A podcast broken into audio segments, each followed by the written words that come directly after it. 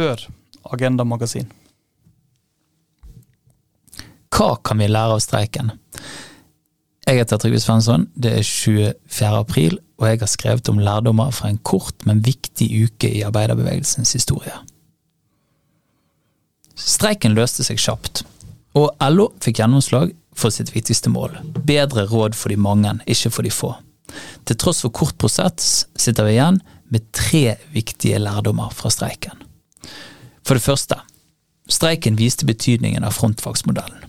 Det er ikke sånn at lærere, sykepleiere og hele resten av laget som driver velferdssamfunnet, kommer dårlig ut av at konkurranseutsatt sektor forhandler først. Det handler om makt. Det er brysomt for både NHO og oss andre når offentlig sektor streiker. Hvis barnehager og skoler stenger, rammer det helt grunnleggende ting i samfunnet. Men det er ikke den typen streik som tvinger NHO tilbake til forhandlingsbordet i løpet av fire dager. Det skjer når LO tar ut ansatte i industribedrifter og store penger kommer i spill. Da blir plutselig bildeler som skal til kontinentet liggende. En smelteverksovn som har enorme kostnader å sette i gang igjen, står i fare for å bli kald. Laks blir stående i lastebiler. De som eier bedriftene, taper penger. Når konkurranseutsatt sektor streiker, blir det derfor dyrt, også for de rike og mektige. Det er ikke sånn at LO blir invitert til forhandlinger med NHO fordi eiersiden tenker at det er hyggelig. Det er høy organisasjonsgrad og streikemakt som ligger til grunn for LOs innflytelse. Det er òg grunnen til at organisasjonsgrad og fordeling henger tett sammen. Motsatsen er USA, hvor grotesk rikdom lever side om side med tragisk fattigdom. En streik som den vi var vitne til i forrige uke, kunne aldri skjedd der. Den kunne dessverre heller aldri skjedd i mange land sør i Europa. Der er de gode på å brenne et bildekk, men dårlig på lønnsoppgjør. For det andre, verdien av solidaritet på tvers av yrkesgrupper.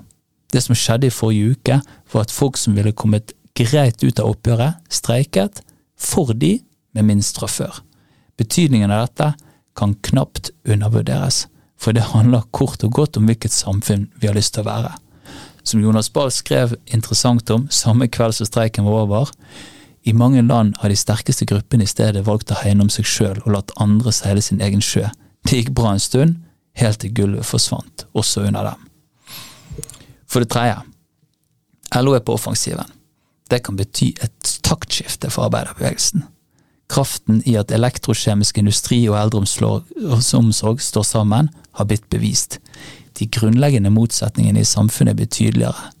og denne uken i april har vært en stor skolering i hvor viktig det er å organisere seg.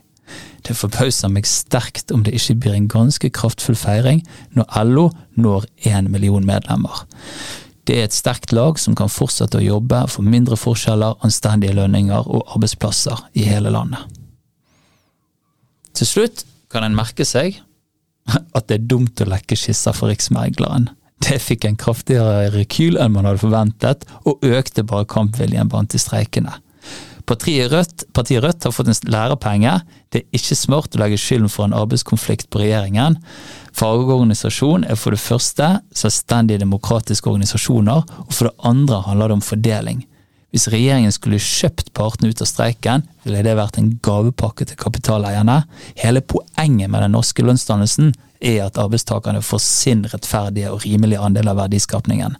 Det bør komme i form av lønn, ikke offentlige ytelser.